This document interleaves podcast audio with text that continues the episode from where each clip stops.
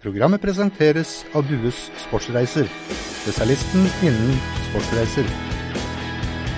Hei og velkommen til eh, fotballradioen. Jesper, vi har vært etterlyst, og nå er vi på lufta igjen. Eh, Vi skal snakke om eh, Rio Corker, vi skal snakke om Svein Erik Edvardsen. Og vi skal snakke om Start og Jerv og Arendal, selvfølgelig.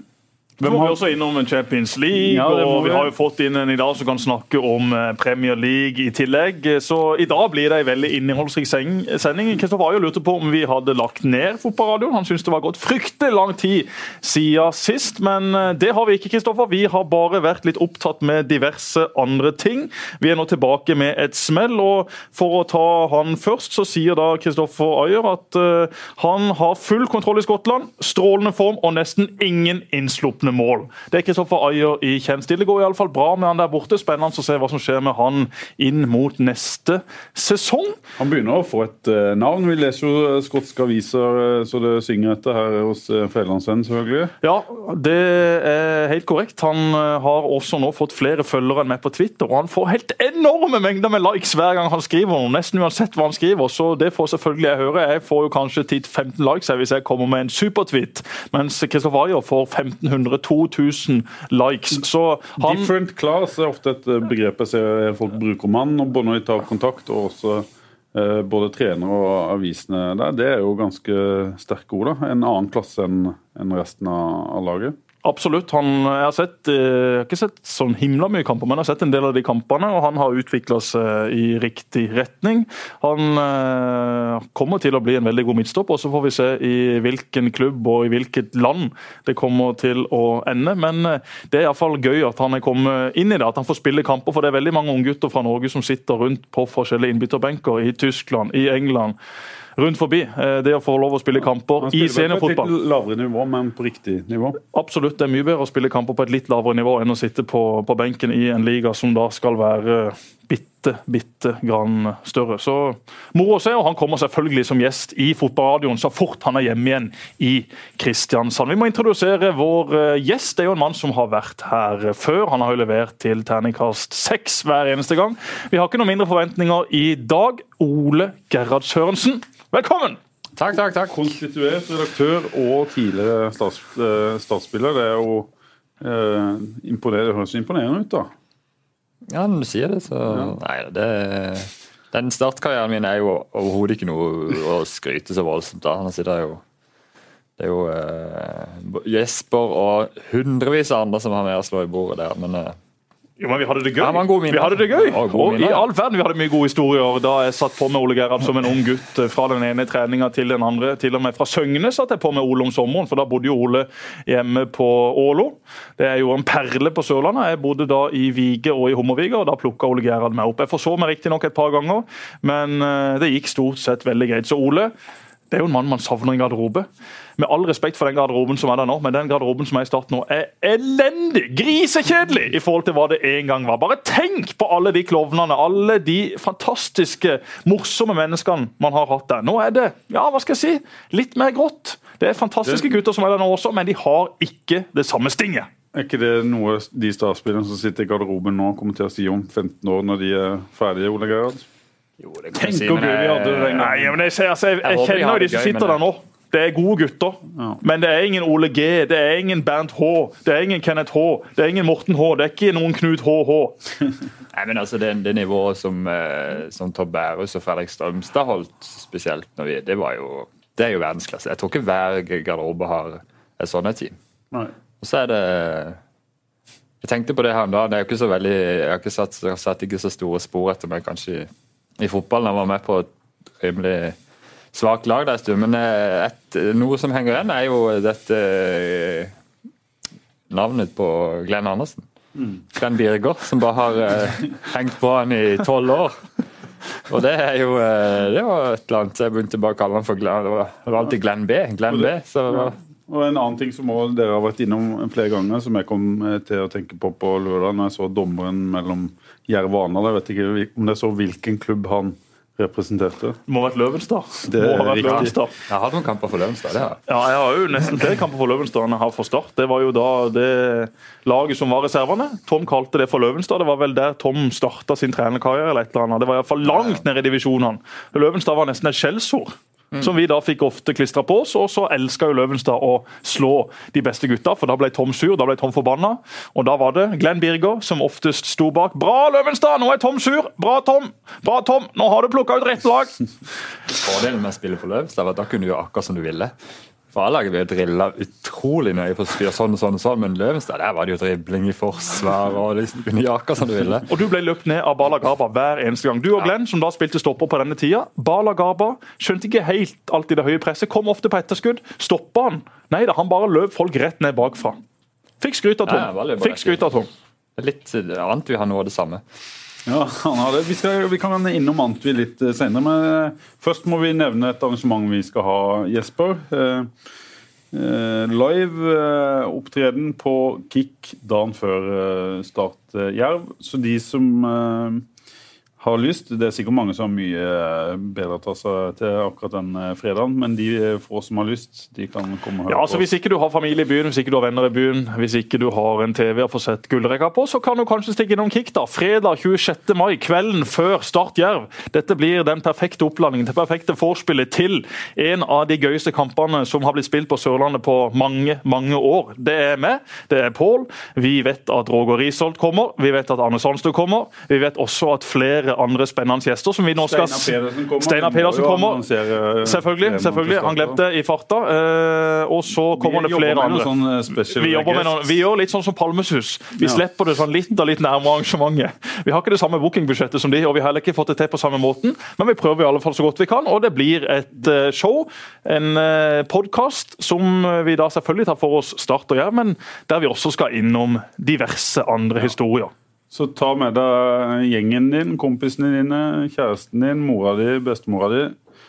Kjøp deg en øl i baren, og så, så skal vi prøve å lage Og så skal det jo spilles eh, sanger av Bjorvans. Ja. Etterkant. Ikke Ja, Jim Rune ja. Bjorvans, for de som var redd for det, men Bjorvans, disse gutta som eh, er veldig flinke til å spille, som også har hatt sine opptredener på Starts kickoff. Store Start-patrioter kommer til å dunke løs på gitarer, trommer og basser inn i de sene nattetimer. Det blir veldig bra. Eh, Ole Gerhard, det første sørlandsoppgjøret er allerede spilt i første divisjon. Arendal-Jerv på lørdag. Det var jo ikke den store, store kampen. Så du den? Jeg så den faktisk ikke. Denne helga gikk med til veldig mye øh, barnedåp. Hvordan gikk det? Krever litt. Ja, det, det krever sin forberedelse, og det krever øh, Og, og søndagen gikk jo, gikk jo med til det. Jeg så eh, Jeg rakk akkurat å bli ferdig til Fikk vel annen omgang av startkampen og øh, Nei, hele startkampen og litt av United-kampen. Men eh, nei, jeg så ikke Arendal Jerv. Men skal vi snakke om Start, da? Eller skal, eh, så Vi kan jo gjøre oss ferdig med Arendal Jerv først, Ja, du i og med at eh, vi iallfall så han. Ja, det er bra. Eh, Jeg hadde heldigvis ikke noe barnedåp å gå i, men Arendal var god i første omgang. Imponerte da. Den uh, høyrekanten uh, har det vært uh, skrytt mye av. Han viste også sitt potensial i denne matchen. Jerv-gutta sleit veldig. Kristoffer Men du ble litt imponert av han du òg, den første gangen han ja, det syns jeg absolutt. Eh, Kristoffer Tønnesen eh, sleit voldsomt med å få kontroll på han. Nå sleit vel også Kristoffer Tønnesen med en skade inn mot denne kampen. Han så ikke helt frisk ut. Eh, Han så ut til å være på et par og 90% og da blir man straffa når man eh, møter såpass raske og tekniske spillere som heter han? Adnan, Adnan eh, Mohammed. Mohammed. Så, så det var en underholdende spiller, en underholdende omgang. Og så eh, satt jeg jo egentlig litt og venta på at Jerv skulle eh, komme mer inn i det. For uh, sånn har egentlig Jerv hatt det i sine kamper. at eh, Spillemessig så er de bra. De produserer sjanser, produserer nesten sjanser, men har produsert litt for lite mål. 1-1 endte det etter at Jerv uh, vel var nærmest å ta seieren i annen omgang, var det ikke det? Vi viste eh, annen omgang litt styrkeforholdene mellom lagene, sånn det egentlig skal være. Ja, det vil jeg si. Jerv har et eh, på papiret eh, mye mer solid kollektiv og et bedre lag enn enn det Arendal har. Men samtidig så syns jeg Arendal, eh, som ikke har sett sånn veldig mye av før, eh, imponert. Jeg tror ikke de skal slite med å holde plassen i, i Obos-ligaen. Jeg tror de vil komme bedre og bedre for hver kamp som går. Og så har de også slitt litt med, med skader, og så vil de få tilbake noen av disse gutta.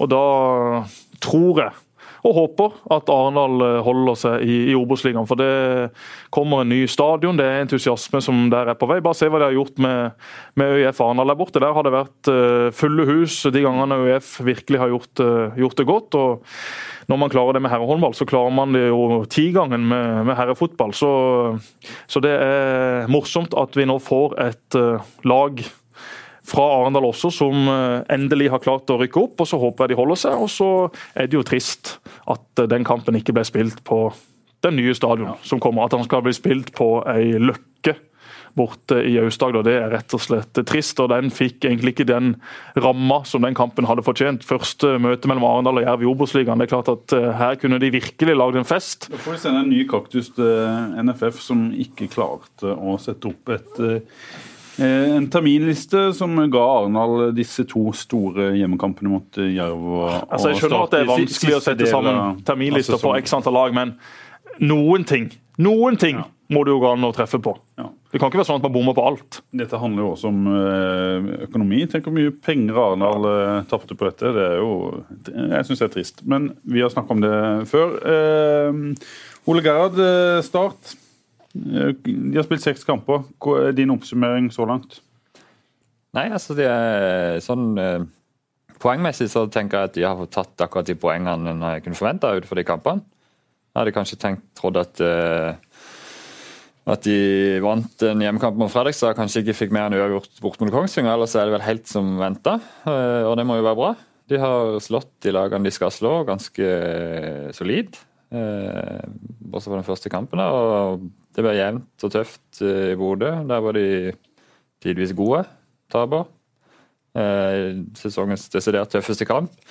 Jeg synes Det er veldig sterkt å vinne bort mot Tromsdalen. Det, kaller det, å reise opp i nord og spille bortkamper er ikke lett. Og så er det syns jeg de har vært uh, fremstått uh, lovende på hjemmebane. De har liksom ikke vært vanvittig gode og dominerende hele veien, men det virker som de har en litt sånn ro og selvtillit i lag. At de, at de maler lag Mm. Litt i senk. De stresser det ikke. Mm. Det har gått litt tid både mot Det er ofte en halvtime før en Ja, både mot Ullkisa og Åsane så var det liksom sjanser. første halvtimen sitter hjemme eller du sitter og ser, og så ser du ok, dette er jo dette er ikke store greiene. ikke sant? Mm. Men så, så, kommer de mer inn, og så kommer det første målet, og så har det nesten ikke vært noe, noe tvil sånn sett selv om Ullkisa kom tilbake der. Men mm. nei, så det, jeg syns det ser bra ut. og med tanke på at de havna litt oppi en skvis med Skade. med skadene, spesielt på, på, Lars Jørgen, som på en måte har vært uh, den alle har sett skulle forvente mest av i år, egentlig. Så har de jo løst det veldig bra. Ja. Det, skal vi begynne å se litt på hvem som har prestert og hvem som uh, ikke har prestert? Det er jo noen som i hvert fall i våre øyne så har vi jo Daniel Aase og Eirik Vikne kanskje som de to som har ikke overraska, men prestert best. Er du enig i det, Jesper? Ja, offensivt? Jeg, ja, jeg syns de har vært veldig gode offensivt. og Det at man nå har to sider å, å angripe på. Eh, man har alltid visst at Ropstad og Børufsen kommer til å være farlige og solid både offensivt og defensivt. Men når man nå i tillegg har eh, Vikne og Aase, som er mye mer uprøvd på dette nivået, men som har eh, veldig spennende ferdigheter, spesielt Daniel, som er så enormt flink til å ta på seg press, slippe ballen i nøyaktig riktig tidspunkt, med ballen er perfekt timer. Du kan egentlig bare bestemme om ventilen skal være opp eller ned når du mottar mm. ballen. Han er så presis og er så god på dette.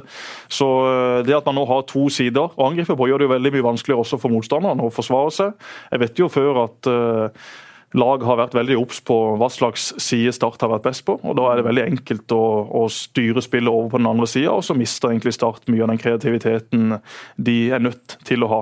Espen Børresen er kanskje ikke den som er mest kreativ, men han har eh, enormt med kraft, fart og et venstrebein som er gull verdt. Den eh, tredje skåringa hans mot, eh, eller 3-1-skåringa hans mot Ullkisa er det vel ikke så veldig mange andre i Obos-ligaen, og heller ikke så veldig mange i Eliteserien som gjør, gjør etter den måten han bare setter den med yttersida venstre på. Det er rett og slett uh, vakkert. Og, mm. og, det er kanskje ikke den mest spektakulære skåringa, men det er så mye teknikk og ja, rett og slett meget godt gjort. Og så har du Ropstad bak, som, som, som er holdt på å si, mer kreativ enn Børufsen mot lag som ligger lavt. Flink til å tråkle seg forbi, flink til å snuble ja, seg forbi. Han får ikke helt til å stemme. Han var god i Bodø, særlig andre omgangen i Bodø sammen med Espen Børufsen. Men et eller annet der som ikke Han har ikke toppform ennå, Ropstad, Ole Gerhard?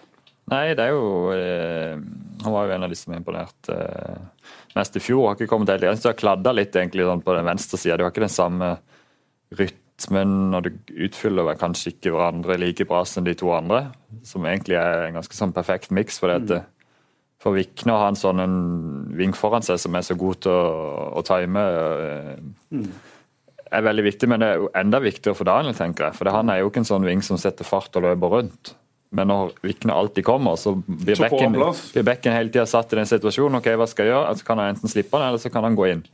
Sånn at eh, Det funker jo veldig bra. Så må han bare få, få de andre to i gang. Og de har jo vist tidligere altså, Espen er jo en sånn arbeidshest som eh, legger ned en veldig jobb eh, som ikke nødvendigvis blir så godt lagt merke til. Og så kan han noen ganger virke litt eh, tung, eller litt sånn. ikke? Han, har, Men han men virker jo ikke tung nå. Nå ser han jo Nei, kanskje men at det liksom, når han har ballen, at det blir, eh, at Ja. det blir litt forutsigbart. Men Ja. han er jo en veldig god eh, Han er jo egentlig en, han har veldig mye mål i seg, så han Mm. må bare komme seg oftest mulig inn i boks og rundt boks og komme til avslutninger. For han har, han har skåret litt sånn i rykk og napp gjennom karrieren. Han har hatt liksom lange perioder uten mål. Men han har hatt lange, eller veldig mye sånn småskader og Ja. oppkjøring og sånn hvor han har slitt. Det har han jo ikke i år. Fått trent godt og ser jo nå ut som han er i veldig god eh, form. Absolutt. Og så har han bygd hus, han har fått seg unge, han har bikkje, han har eh, stor bil og har sikkert en skiboks. Nå har han alt.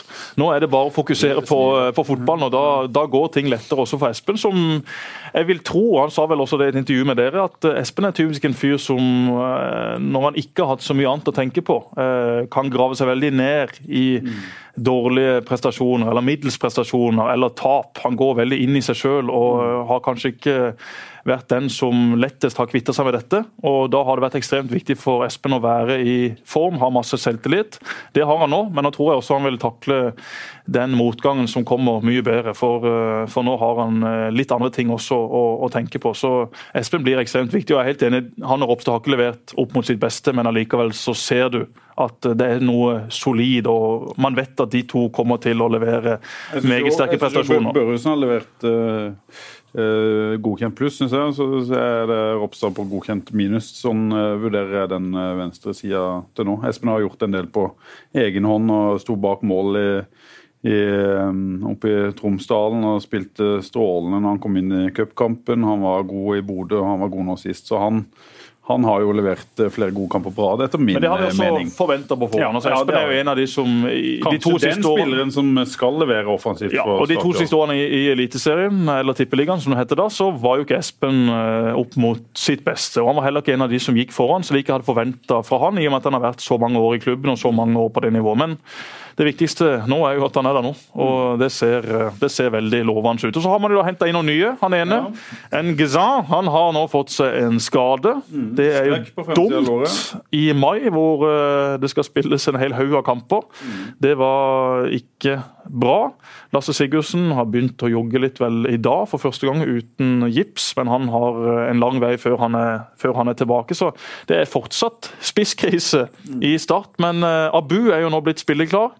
Han eh, ble drilla på trening som spiss nå nettopp. Jeg kommer rett fra gamle Ærverd i Kristiansand stadion nå. Og Hvis han starta der, så er det pga. en trening han gjorde i går, som jeg var til stede på, der han rett og slett var en klasse over alle andre. De som ikke eh, har sett Abu så mye, han er veldig annerledes enn eh, mange andre afrikanere eh, Start har hatt. Han er ikke spesielt eh, rask, men han er sterk, han er teknisk og han er god til å spille sammen med andre. Eh, Han er rett og slett en god fotballspiller i mine øyne, ser det ut som. Ja, han er veldig, veldig spennende. Og da han kom på prøvespill, så ble eh, både spillere, trenere og de som så treningene, ekstremt imponert og trodde man hadde funnet noe som var ekstremt spennende. Det har vel vist seg i etterkant at det var ikke så ekstremt, men fortsatt en veldig lovende, spennende spiller som kommer til å bidra veldig for Start i år. og Det å få han spilleklar nå etter at det har vært trøbbel med noen papirer i så lang tid. Bare tenk for hans egen del, som nå har gått her og trent og, og, og bare vil bidra. Kommer til en ny klubb og liksom føler at jøss, her trener jeg og her står jeg på, men så får jeg ikke bidratt. Det er klart det har ikke vært noe gøy for han heller. Så han er rett og slett ekstremt spillesugen. Avgjorde kamp for Start 2 mot, eh, mot Tønsberg.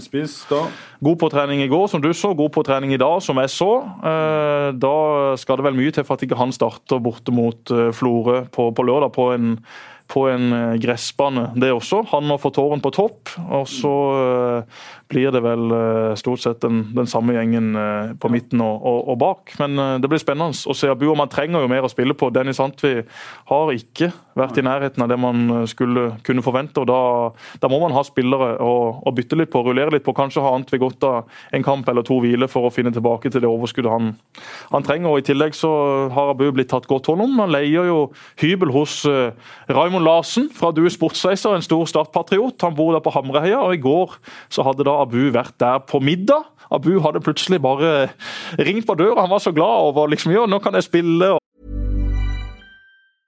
Hiring for your small business? If you're not looking for professionals on LinkedIn, you're looking in the wrong place. That's like looking for your car keys in a fish tank. LinkedIn helps you hire professionals you can't find anywhere else, even those who aren't actively searching for a new job but might be open to the perfect role. In a given month, over 70% of LinkedIn users don't even visit other leading job sites. So start looking in the right place. With LinkedIn, you can hire professionals like a professional. Post your free job on linkedin.com/people slash people today.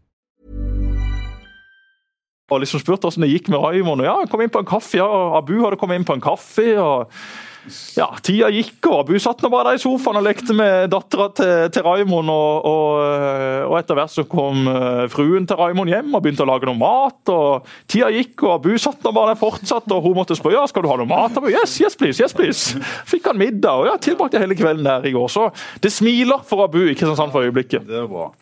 Og Nigel Rio Coco fått av, han også. Øyvind Evin kjenner jo du godt til, eh, Ole Gerhard. Det kjenner du også til Pål W. Jørgensen. Han er jo en ivrig fisker. Og det som er litt morsomt, Nigel Rio Coco er minst like ivrig på å fiske. Han har allerede vært innom Grønberg Sport rett oppi her i Markens for å få seg et fiskekart. Han har lånt fluefiskeutstyr. Han har meldt seg på flue fiskekurs. altså lære seg hvordan, ja, fluekasting, hvordan han skal kaste med disse fluene. Så I tillegg var han ute nå på lørdag og fiska. Han dro opp noen voldsomme fisk. Det ene var ei kveite, det andre var en hyse, det siste var en flyndre. Han fikk til og med kreps og torsk og lyr. Jeg vet ikke hva han ikke fikk. Eivind hadde med ut på en eller annen fiskebåt. For Eivind har selvfølgelig en kompis som har en svær fiskebåt. Han har jo en kompis i, i alle byer i Norge som har en stor fiskebåt, men han har også det i Kristiansand. Så de føyk ut til havs.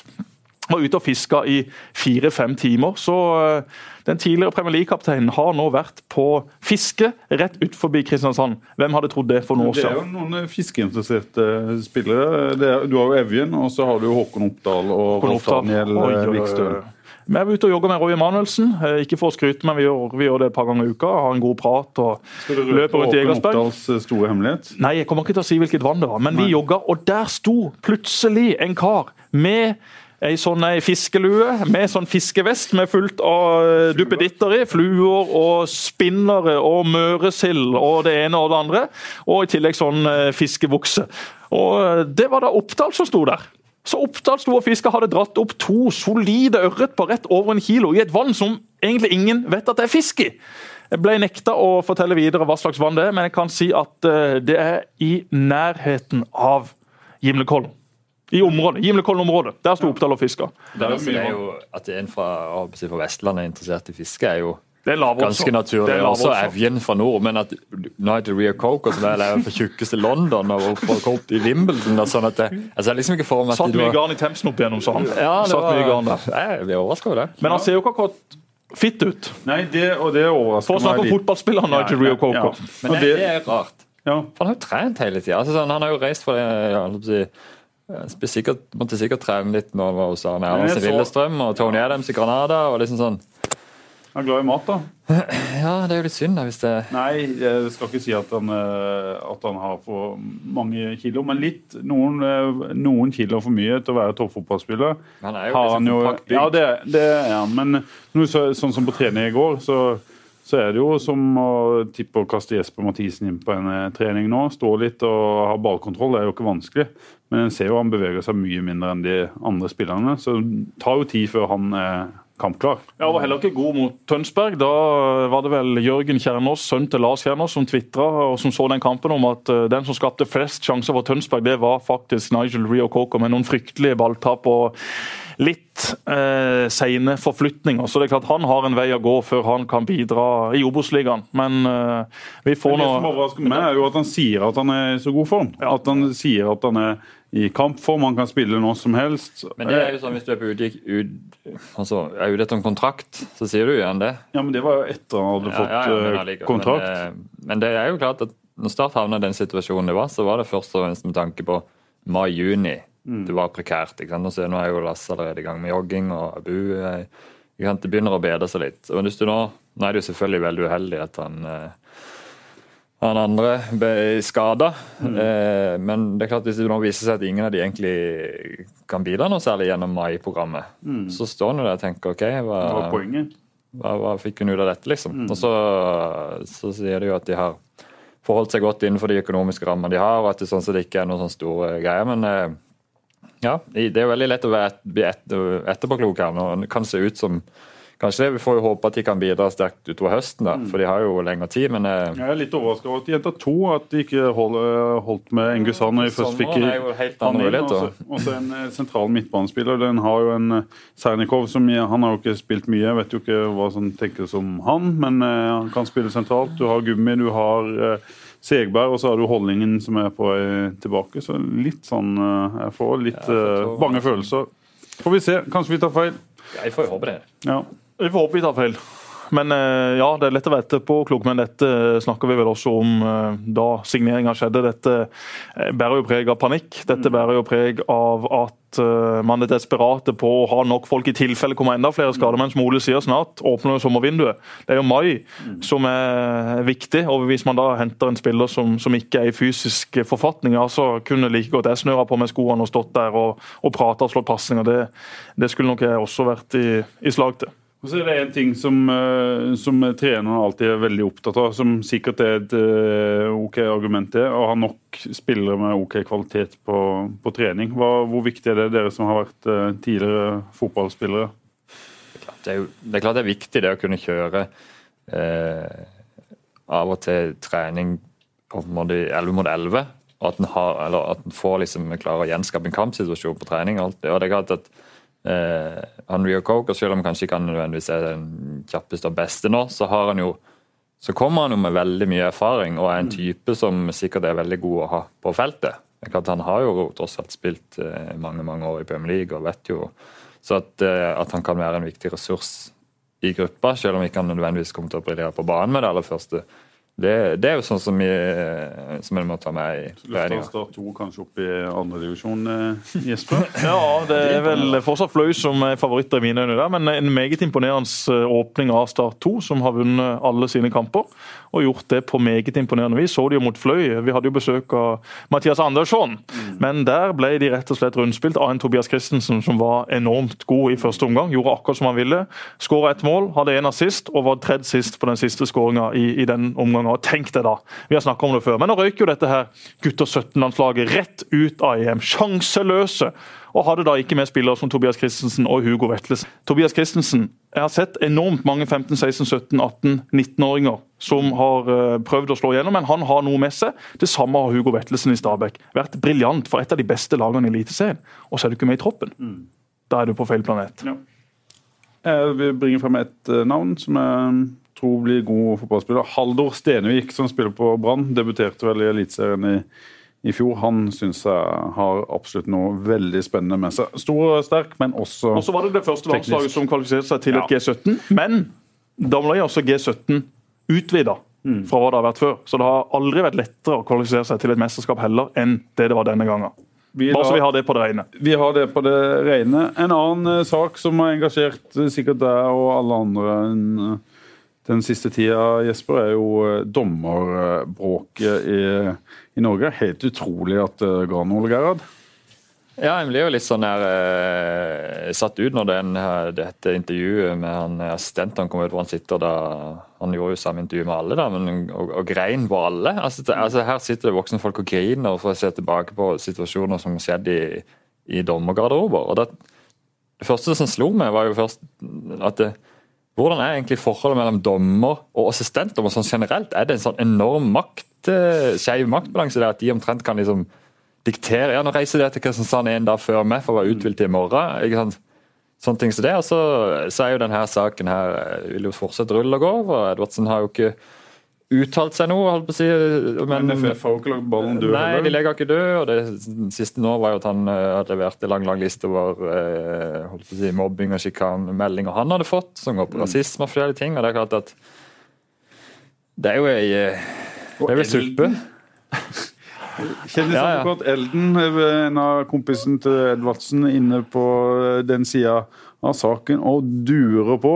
Ja, altså, jeg vet ikke hvor jeg skal begynne den saken. Vi kunne hatt en egen sending ja, om må få inn eh, dommere, altså, dette her dommergreiene. Eller noe som er inne, for det her er jo altså, sånn, jeg, jeg, får veldig lyst til å vite hvordan liksom, det miljøet er. Vi har invitert Tore Hansen. Han vil sikkert ikke snakke veldig mye om denne saken, men Tore Hansen kommer i Fotballradioen, men ja. det har ikke passa enda. Men hvor skal vi begynne med denne saken? Altså vi må jo ta det siste først. og det er jo da at uh, I går så kom det jo fram en video på VG hvor uh, da dommerne har uh, hatt en sånn avsluttende middag på La Manga. Hvor de da har dansa med masker av de dommerne som ikke var der. En av de fire dommerne som ikke var der, var Svein Erik Edvardsen. Og dette ble da lagt fram som veldig stygg mobbing, sjikane, kall det hva du vil. Som Ole Martin Orst tvitra, hvis det er sånn at eh, videoer fra La Manga skal begynne å lekke ut på diverse sosiale medier og i media, da er det mer enn dommerne som trenger å være fryktelig redde. For det er klart at På en sånn avslutningsmiddag på La Manga, hvor det har vært eh, store mengder eh, alkohol etter ei og to ukers trening, ja, så har det vært ekstremt mye rare opptredener. Både med tanke på dansing, synging. Eh, ja, Senest nå i mars så hadde jeg da en av Starts spillere oppå meg, nesten naken. Han holdt strippeshow for eh, fire-fem eh, spillere. Det var heldigvis den spilleren på Start med best kropp. Da kan jo folk spekulere i, hvem det er, men det er klart at han var ny, han måtte gjøre noe sprell. Og han valgte da å kjøre et strippeshow for meg og fire andre opp oppe på scenen.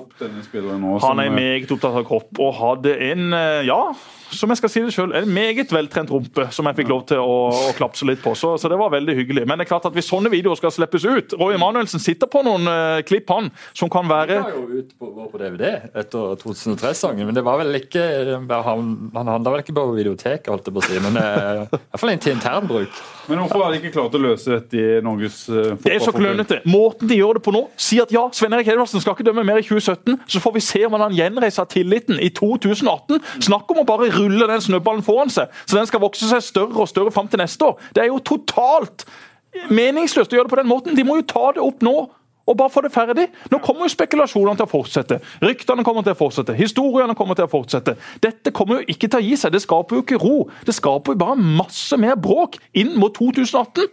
Og Det verste er vel generalsekretæren. eller Jeg syns det er det verste at uh, når TV 2 intervjuer den nye generalsekretæren om, eh, og som sier at ballen er lagt død, og han får spørsmål om også mobbesaken og det som har kommet frem også blir lagt død, så svarer han eh, bekreftende på det. Det har jo han eh, gått tilbake på senere, men måten han på en måte bare prøvde å legge ting dødt uten å ta tak i alvorlige temaer som har kommet frem, det syns jeg er sterkt kritikkverdig. Ja, og så er det jo samtidig med at denne videoen kom fram, så var det da en av hans assistentdommer som sto fram på TV og rett og slett grein i et intervju Eh, og så har eh, da han sagt at ja, det er ingen som vil dømme med Svein Erik Edvardsen. Dette er jo en konflikt som, som er helt sånn surrealistisk. Det, det er jo ikke til å tro at dommerne som egentlig ingenting altså Det skal ikke handle om dommerne, det vi holder på med, men de siste månedene så har det altså stått mer om dommerne på landets forsider enn det har gjort om spillere. og Da er vi jo på fullstendig feil planet. Da er det jo noe som er galt. Hvordan kan det foregå så,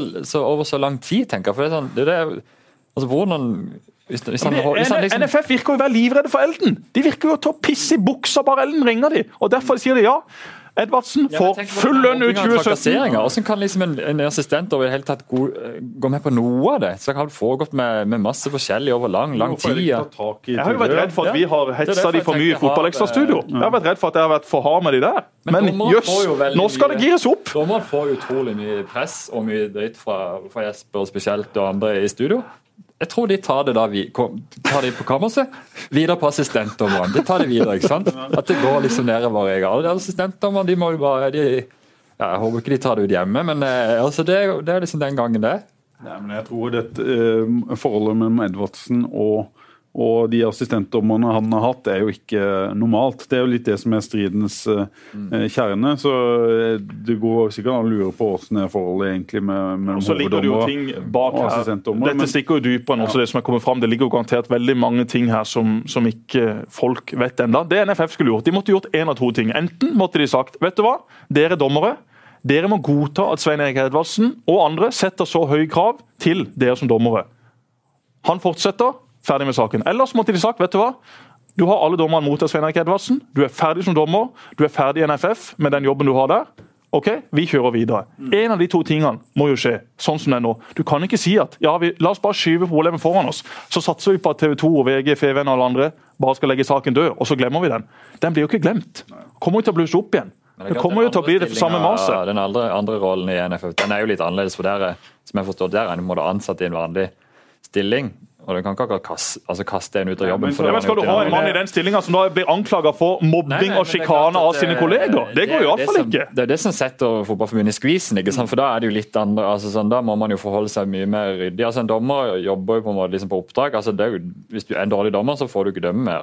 Mens er du ansatt inn, så kan du liksom ikke Det er litt andre ting. Så det er jo derfor jeg tenker Men at den har er veldig lederansvar i NFF òg, og det har jo ikke kommet noe lignende derfra. Så det kan jo hende han har skjøtta den jobben bra, eller kanskje det kommer noe der òg. Det var jo et uh, møte i NFF i går der det ble, ble rasla fra uh, de ulike Denne saken er ikke ferdig. Nei. Denne saken kommer til å rulle videre med full styrke. Så det er egentlig bare å lene seg tilbake og vente på hva som kommer. eh, Ja, det er å hente popkorn. For det er klart at hvis det lekker nå flere videoer fra diverse avslutningsarrangementer rundt forbi, så kan det bli gøy å være journalist i, i tida som kommer. Skulle hatt sånne hva heter det sånn amerikansk show? Judge Judy eller et eller annet, så må de bare ordne opp på Dr. Ricky Phil, Lake. Dr. Ricky Phil Lake. eller Ricky Lake. Ricky Lake sånt. var på jobb. Ja, Ricky må- Lake, Svein Erik Edvardsen, Jon Christian Ellen på den ene sida, hele dommerbataljonen på den andre.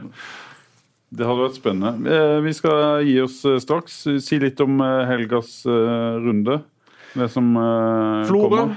Tok en ekstremt sterk seier borte mot Fredrikstad sist. Eh, Nå er det Start som kommer på besøk. Florø i den kampen mot Fredrikstad. Ni stykk fra Sogn og Fjordane. Fem fra Florø by.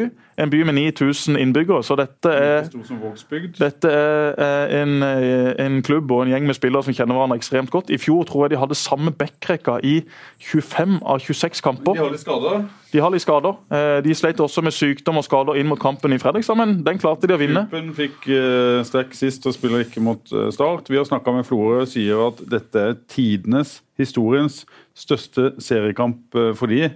Det er jo sikkert litt gøy for Start å høre. Ja, det er jo klart, Nå er jo ikke Start så store favoritter som de normalt er i en sånn type cuprunde, men det blir jo nesten det samme. At de kommer liksom ut på ja, ut i periferien og møter et lag som liksom, det her er en kjempefest for de, og så må Start være profesjonelle og gjøre, gjøre det de skal gjøre. Og så er jo selvfølgelig Det blir en tøff kamp, men det er disse her kampene som Start eh, å løse, og som jeg syns at Start til nå har sett ut som de har vært flinke til å løse. At de ser solide ut. Og så er det Jerv der hjemme mot Kongsvinger. Og øh, Hvis jeg skal gi ett oddstips for helga, så er det at Jerv slår Kongsvinger. Kongsvinger har sett det fryktelig ut. De prøver å spille seg ut uansett hva slags forutsetninger de har til å klare det. Hans Erik Eriksen spiller øh, rimelig naivt, øh, i alle fall når du har et lag ekstreme enn det Kongsvinger var ja, i fjor. og, og i alle fall når du har et lag som sliter, sånn som Kongsvinger gjør. Hvis du er i medgang og så, videre, så har han vist før med Follo at han kan spille fantastisk flott fotball. Men akkurat sånn som Kongsvinger fremstår nå, så tror jeg Jerv med sin entusiasme og med sitt lag skal ta seg av det ganske greit. Så vi må Jeg tror Gyven kommer til å gi det litt eh, trøbbel i Grimstad, så jeg er ikke helt enig. Nå er Gyven tilbake. eh, for, for Kongsvinger er en, spiller som uh, kler det Jerv-forsvaret veldig dårlig. Ekstremt viktig kamp. da. Veldig viktig kamp. Det er vel de to ja, sammen med Fredrikstad kanskje de to som har skuffa klart mest. Og som, Det er nesten to jobs på Jerv der, altså. Ja. Den, den! Når kaka står på bordet, Pål, så tar vi et stykke, altså. Det vi, gjør vi. vi ser. Arendal-Levanger. Nok en eh, kamp som Arendal eh, helst trenger en seier i. Nå har de tre veldig viktige hjemmekamper som kommer på rekke og rad, mot lag de er favoritter mot. Det er ikke noe tvil om at det er på hjemmebane de sjøl må ta flesteparten av, eh, av poengene. Var vi ferdig? Ja. OK. Champions League. Juventus. Ja, Real Madrid. Hvem vinner? Der, Vi kommer jo tilbake til det Real for den tid. Madrid være eh, selvfølgelig store favoritter. Nei, ikke store favoritter. Nei, de vil være ganske store favoritter. Nei, det er, det er ikke mye, ass. Nei, Tror du ikke det? Nei, Nei, det tror jeg eh, ikke. Juventus har imponert eh, voldsomt. Bygger opp et helt eh, nytt lag. Har jo klasse, særlig bakover. Har de jo eh, som vanlig eh, limt eh, igjen. Det er imponerende å se de. Og så er det jo et fyrverkeri framover også. Gonzalo Ja. Higuain ser nesten ut som en sånn allboys-spiller i formen. Men for et touch og, og for en eh, fartetid og for en avslutningsteknikk. Det Ja, er de taktisk og sånn lag eh, mentalitetsmessig så er jo Juventus i en helt annen klasse. Og Dybala som er en eh, klasse Og Buffon var 49 år og på det nivået. Det er helt vilt. Ett skudd på mål hadde Barcelona. Ja. De bare gikk bort og bare Vi tar bare låser den her 0-0. Ja. Og Kielini vi har vel hatt Ronaldo i, i lomma før. Tenk til den gjengen der. Det blir ingen lett match for Real Madrid, men for en Men Finale, så for en drømmefinale. Buffon når de blokkerer og når de ja, vinner Det er fantastisk. Og, Det er fantastisk. Og, bilder av Mbappe og Buffon har jeg sett det etter eh, kampen sist. Hvor han går og kysser han som han er hans egen sønn. Det, det er kult, da. Det er passion. Det er viktig i finalen. Ja.